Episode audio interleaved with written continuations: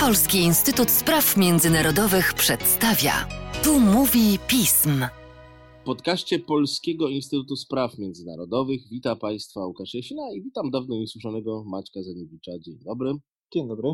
O Ukrainie mówiliśmy ostatnio w podcastach mało, bo inne sprawy nam się tutaj przydarzały. Ale nie będziemy, proszę Państwa, mówili o związkach nowego prezydenta, przyszłego prezydenta Stanów Zjednoczonych Joe Bidena z Ukrainą, ale o sytuacji wokół reform na Ukrainie i wokół e, konfliktu związanego z sądem konstytucyjnym. Sytuacja z pozoru bardzo podobna do tego, co się dzieje w niektórych państwach europejskich, a z pozoru jednak zupełnie inna, bo tamtejszy konstytucyjny wymiar sprawiedliwości odgrywał poważną rolę w blokowaniu pewnych spraw i w pewnych spraw popychaniu. Macieju, co z szumu medialnego warto z tej sprawy wyłowić pod względem analitycznym? Rzeczywiście jest to szalenie istotna rzecz, która zdominowała teraz w zasadzie całą prasę od prawa do lewa na Ukrainie.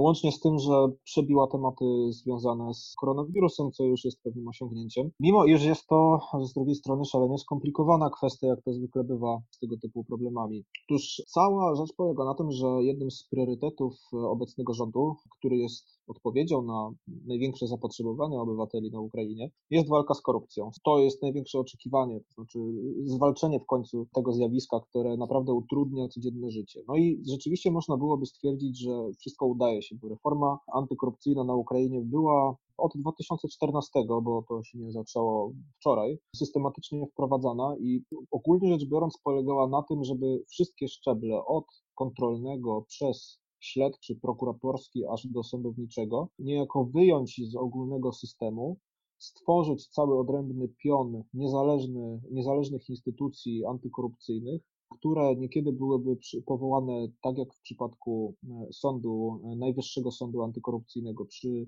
pomocy ekspertów zagranicznych, tak aby zapewnić bezstronność, e, niezależność tych organów, ich przede wszystkim czystość w kontekście korupcyjnym i aby oczyścić cały pozostały system, ponieważ wciąż i obywatele, i, i eksperci wskazują choćby na sądownictwo i oczywiście policję jako te instytucje, które należą do najbardziej skorumpowanych, więc ciężko od nich oczekiwać, aby walczyły z tym zjawiskiem.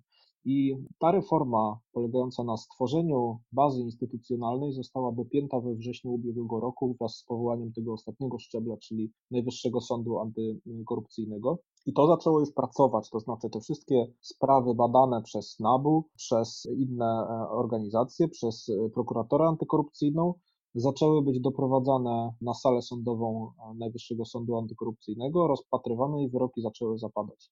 Może nie spektakularne, ale system zaczął powolutku pracować. I to tak naprawdę zaniepokoiło również tych, którzy na tym mogą najwięcej ucierpieć, czyli wymiar sprawiedliwości, który, tak jak wspomniałem, jest oceniany przez obywateli jako jeden z najbardziej skorumpowanych i niestety w ramach tych instytucji również oskarżenia korupcyjne padają w stosunku do, są zresztą prowadzone sprawy antykorupcyjne w stosunku do e, sędziów Sądu Konstytucyjnego, naszego odpowiedniku Trybunału Konstytucyjnego. I niestety, gdy ten cały system zaczął już pracować i e, zaczął być, te zmiany zaczęły być realne i dostrzegane też przez społeczność międzynarodową, za czym szło wsparcie w postaci chociażby kredytów, Międzynarodowego Funduszu Walutowego, pomocy finansowej Unii Europejskiej i gdy można było się spodziewać na przestrzeni najbliższych lat poprawy, Sąd Konstytucyjny postanowił niejako albo inaczej niektórzy deputowani, włączając w to również deputowanych rządzącej frakcji Sługa Ludu, postanowili rękami Sądu Konstytucyjnego sabotować cały ten proces. No i tutaj już wracamy do Twojego pytania, to znaczy o co chodzi z tym wyrokiem. Na przestrzeni ostatnich nieco ponad dwóch miesięcy, od, od, od sierpnia do, do listopada, do, do końca października, wydane zostały, wydane zostały trzy orzeczenia przez sąd konstytucyjny, zgodnie z którymi tak naprawdę została sparaliżowana praktycznie działalność tego antykorupcyjnego organu kontrolnego, czyli Narodowej Agencji do Spraw Zapobiegania Korupcji, która zajmuje się między innymi taką ciekawą rzeczą jak weryfikowanie, czy styl życia urzędników państwowych odpowiada ich oficjalnym zarobkom, bo bardzo często okazywało się, że regularnie jeździli na Malediwy zarabiając po kilka tysięcy złotych miesięcznie. Po pierwsze to zostało sparaliżowane, co jeszcze ważniejsze zostały utajnione, utajniony dostęp do dotychczas publicznych deklaracji majątkowych, a więc też obcięto możliwość organizacjom pozarządowym weryfikowania ponieważ tych deklaracji jest mnóstwo i agencja nie przerabia ich wszystkich, więc część z nich też jest weryfikowana przez organizacje pozarządowe, które zwracają uwagę na przykłady nadużyć. Mało tego, wyrokiem Sądu Konstytucyjnego uniemożliwiono karanie, pociąganie do odpowiedzialności karnej za złożenie nieprawdy w deklaracjach majątkowych, czyli można było tam mówiąc wprost, skłamać, zataić posiadanie jakiejś na przykład nieruchomości, a potem w przypadku wykrycia nie ponieść za to absolutnie żadnej konsekwencji. No i koniec końców też rękami Sądu Konstytucyjnego podważono wybór szefa mm, NABU, czyli tego antykorupcyjnego pionu śledczego.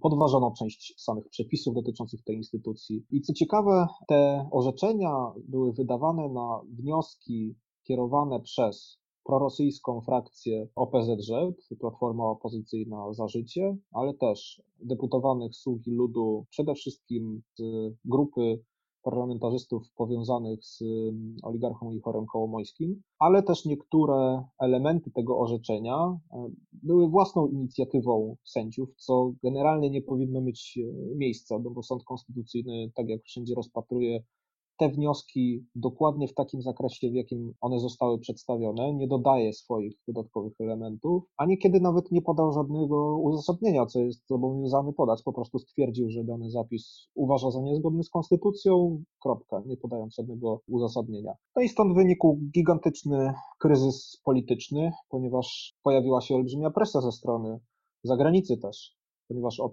niezależności tych instytucji i ich funkcjonowania zależy wsparcie międzynarodowe. Zależą kredyty Międzynarodowego Funduszu Walutowego, jak już wspomniałem, też Unii Europejskiej. Więc w przypadku zawieszenia tej reformy, a z tym mamy do czynienia, i zawieszenia skuteczności w ogóle walki z korupcją na Ukrainie, zawieszone zostaje też wsparcie finansowe. A mówimy o sytuacji, gdy mamy kryzys związany z pandemią koronawirusa i deficyt budżetowy na Ukrainie na przyszły rok będzie wynosił około 6,5% PKB w Polsce mamy deficyt o wysokości 5% PKB około i już mówimy o gigantycznym, historycznym deficycie. To możemy teraz sobie wyobrazić, jak to wygląda na Ukrainie, która finansowo i gospodarczo jest mniej stabilna mimo wszystko niż, niż Polska. Czy ta cała sytuacja może bardzo, bardzo mocno wpłynąć na pozycję Ukrainy na arenie międzynarodowej? Najpierw tak zaczynam z górnego C, ale chodzi mi raczej o to, czy Ukraina mm, która i tak nie ma dobrej prasy, jeżeli chodzi o reformy, i to już przy kolejnej prezydenturze, nie pogorszy tej całej sytuacji. To rzeczywiście jest spory e, problem, bo e, już teraz pojawiła się masa e, zarzutów skierowana w stosunku do elity politycznej ukraińskiej, pokazująca, że nie jest ona w stanie sobie poradzić z tym najważniejszym problemem gnębiącym Ukrainę. I jeżeli spojrzymy na przykład w kontekście wyborów, jakie miały miejsce w Stanach Zjednoczonych, to w przypadku na przykład prezydenta elekta Joe Bidena, on jest doskonale zaznajomiony z sytuacją na Ukrainie. To, to, to nie jest tak, że on nie wie, co tam się dzieje. On no sytuacja o mało co nie przeszkodziła mu w zostaniu prezydentem. To prawda, to prawda, ale tuż przed tym on był odpowiedzialny za politykę Stanów Zjednoczonych e, wobec Ukrainy i, i wizytował to państwo sześciokrotnie, a więc e, znakomicie e, jest zorientowany w, w, sytuacji tego kraju i też myślę, że będzie to jeden z jego priorytetów na, na tym obszarze geograficznym w Europie Wschodniej. I on kładł już w trakcie prezydentury Obamy nacisk na dwie rzeczy, to znaczy podwyższanie kosztów agresji rosyjskiej na Ukrainie, kosztów dla Rosji oczywiście, a z drugiej strony walka z korupcją. W przypadku, gdy e, rząd zawodzi ukraiński, no to może się spotkać i z pewnością spotka się z olbrzymią presją Stanów Zjednoczonych. A Joe Biden w rozmowach z administracją ukraińską, jeszcze wówczas za czasów Petra Poroszenki, zasłynął też ze stawiania sprawy bardzo jasno, to znaczy on nie dał sobie mydlić oczu argumentacją e, Ukrainy, że no przecież budujemy instytucje, więc wszystko będzie działało, bo walka z korupcją to walka systemowa i tutaj ważne są instytucje. On jakby przytakiwał temu, tak, to prawda, ale, ale reformy wprowadzają ludzie, a nie, nie instytucje. Stąd też nawiązując do tego, o czym wspomniałeś, on zabiegał i stąd się mm, wziął cały skandal związany z e, rzekomym wpływem e, Bidena na, na sytuację na Ukrainie, a później na odwrót. E, Biden zabiegał o mm, zwolnienie prokuratora generalnego e, na Ukrainie, Szokina, z uwagi na jego nieskuteczność w pociąganiu do odpowiedzialności między innymi osób właśnie podejrzanych o, o korupcję. Oczywiście ta sytuacja była związana, cała afera związana z tym, że potem Oskarżano Bidena, że działał w interesach swojego syna, który był w Radzie Nadzorczej, Nadzorczej Burizma, w stosunku co do którego miała być prowadzona też sprawa przez prokuratorę, jeżeli chodziło o, o ukręcenie tej sprawy. No ale koniec końców nie ma jasnych dowodów, które by, by, by, stały za tą tezą, no a Joe Biden e, nie przeszkodziło mu to w, tym, aby wygrać wybory w Stanach Zjednoczonych. A więc tak, odpowiadając króciutko na Twoje pytanie, to może osłabić pozycję Ukrainy na arenie międzynarodowej, ale też z tego względu prezydent Zełenski jest, wydaje się być przynajmniej teraz bardzo zmobilizowany do tego, ażeby jakoś zażegnać ten kryzys. Tylko on jest o tyle